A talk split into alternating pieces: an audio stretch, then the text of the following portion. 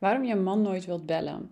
Ik heb hier laatst een post over gedeeld op mijn socials, waarom je man nooit wilt bellen. En daar kreeg ik best wel veel reacties op. En toen dacht ik, nou, dan kan ik er beter ook even een podcastaflevering over opnemen. Ik zeg wel tegen mijn klanten, alles in de liefde is genuanceerd en gelaagd en situatieafhankelijk. Dus ik kan heel veel dingen niet zwart-wit zeggen.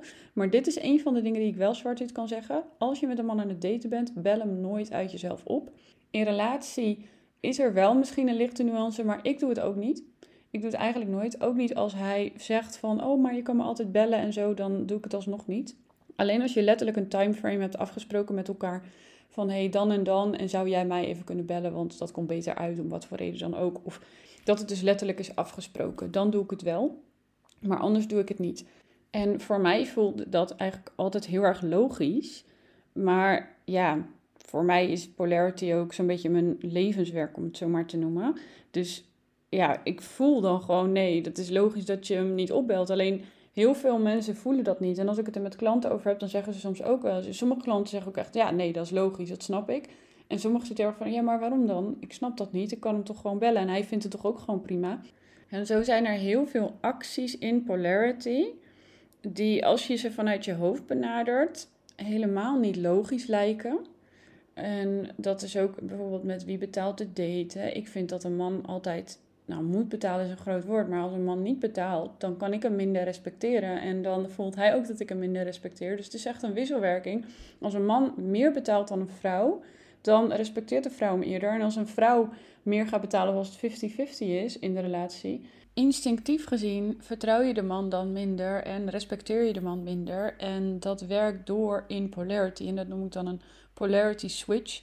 En polarity switch betekent dat de, de man in de vrouwelijke rol gaat zitten en de vrouw in de mannelijke rol. En ik wil het niet heel zwart-wit gaan maken. Het is natuurlijk allemaal heel erg genuanceerd nogmaals. Maar dat is even heel kort door de bocht uitgelegd wat er dan gebeurt. En als vrouw zijnde ga je dan dus meer in de moederrol, in de moederenergie. Ook al is het subtiel. Één subtiel dingetje maakt niet zo heel veel uit. Maar als je er tien achter elkaar hebt, dan heb je een behoorlijke switch gemaakt. En zo is dat dus ook met bellen. Als je iemand belt, dan is dat een hele penetrating move, noem ik dat. En misschien zeg ik dat nu een beetje te plat.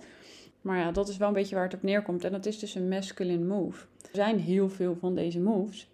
Kijk bijvoorbeeld naar het betalen, naar het bellen. Ik zag laatst ook toevallig iemand voorbij komen op Instagram. Die had een boek voor haar vriend gekocht. Ja, dat is ook zo'n masculine move. Van ja, ga jij maar even deze persoonlijke ontwikkeling lezen. dan word je zijn moeder als het ware. En alles wat je voor de man bepaalt en alles waarin je hem energetisch penetreert, ik weet even geen beter woord voor, is een polarity switch. Dan ga je in je masculine. Als je dat dus een keer of een paar keer doet, is dat allemaal niet zo erg.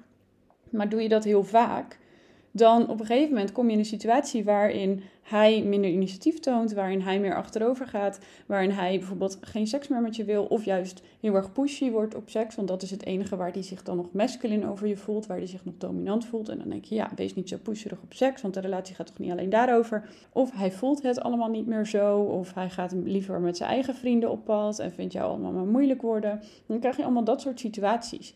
Als je polarity vanuit je hoofd gaat benaderen en je gaat alles doen vanuit logica, dan breek je het gevoel meestal. Want polarity is niet logisch. Er zit geen logica in. Het is wel logisch vanuit je gevoel.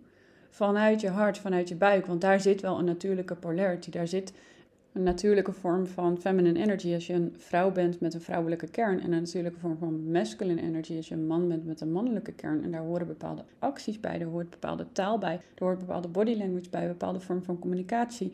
Een bepaalde vorm van, van verbinding maken, uitverbinding gaan, veilig houden, emotionele eh, connectie, et cetera. Dat benaderen man en vrouw op een andere manier. En als je een maximale aantrekkingskracht wil creëren, gevoelens wil creëren, als dat nu kwijt is bijvoorbeeld, of als je dat niet meer ervaart, dan helpt het heel erg om dit soort dingen te leren, om dit te begrijpen, om die feeling te ontwikkelen van bijvoorbeeld deze praktische dingen als, oh shit, ik bel hem eigenlijk heel vaak, dus dan ben ik heel erg in die masculine rol. Dat, als je er eentje doet, doe je er vaak meerdere. Heb je gezegd dat hij zich toch nu echt wel moet openen? Hè? Of heb je ultimatum gesteld op andere manieren? Het zijn heel veel kleine dingen. Je hoort het al. Ik ga ze ook niet allemaal in een podcast noemen, want daarvoor, dat is voor mijn klanten het meeste. Maar alles wat in het gevoel verbroken is, wat je wel anders zou willen, zit in al deze kleine nuances. En heel veel mensen gaan het dan zoeken bij, oh, dan heeft hij vast bindingsangst. Of, oh, dan komt het vast door vroeger. Uh, of hij is benauwd omdat ik te dichtbij kom. Of hij is benauwd omdat hij een, een verkeerde hechtingsstijl heeft. Maar meestal is benauwdheid ook een reactie op een polarity switch, hoe ik dat dan noem. Als, als de polarity geswitcht wordt, dan voel je ergens ook even van, oh wacht even, het klopt niet meer. En daar kan benauwdheid ook weer een reactie op zijn. En dat is dan niet te herstellen met alle dingen die ze hebben voor bindings- en verlatingsangst, maar dat is alleen maar te herstellen met het leren over polarity.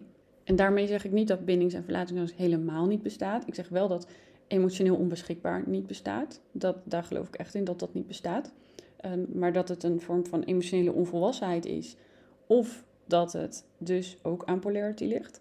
Uh, bindings- en verlatingsangst geloof ik wel. En ik geloof dat iedereen dat tot op zekere hoogte heeft. Want iedereen vindt het eng om te verbinden en om verlaten te worden. Maar ik geloof niet dat dat een belemmering is als je de dingen over polarity leert. Want ik geloof als wij alles van polarity leren, dus al deze kleine praktische dingen en hoe je dingen uitspreekt en hoe je bij je gevoel blijft, et cetera, denk ik dat wij veel sterker kunnen staan in alle gevoelens en alle verbindingen en dat we veel meer gevoelens kunnen creëren met elkaar.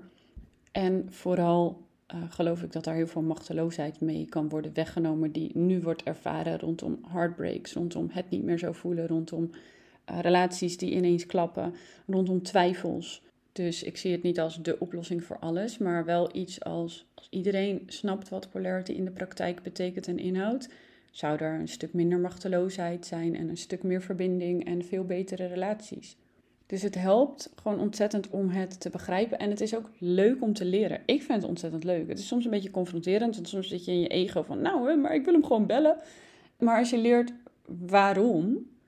En als je ook leert van, ja, maar mannen hebben het nodig om gevoelens te ontwikkelen, om te pursuen. Ik, ik gebruik even het Engelse woord, want ik weet even niet het Nederlands woord.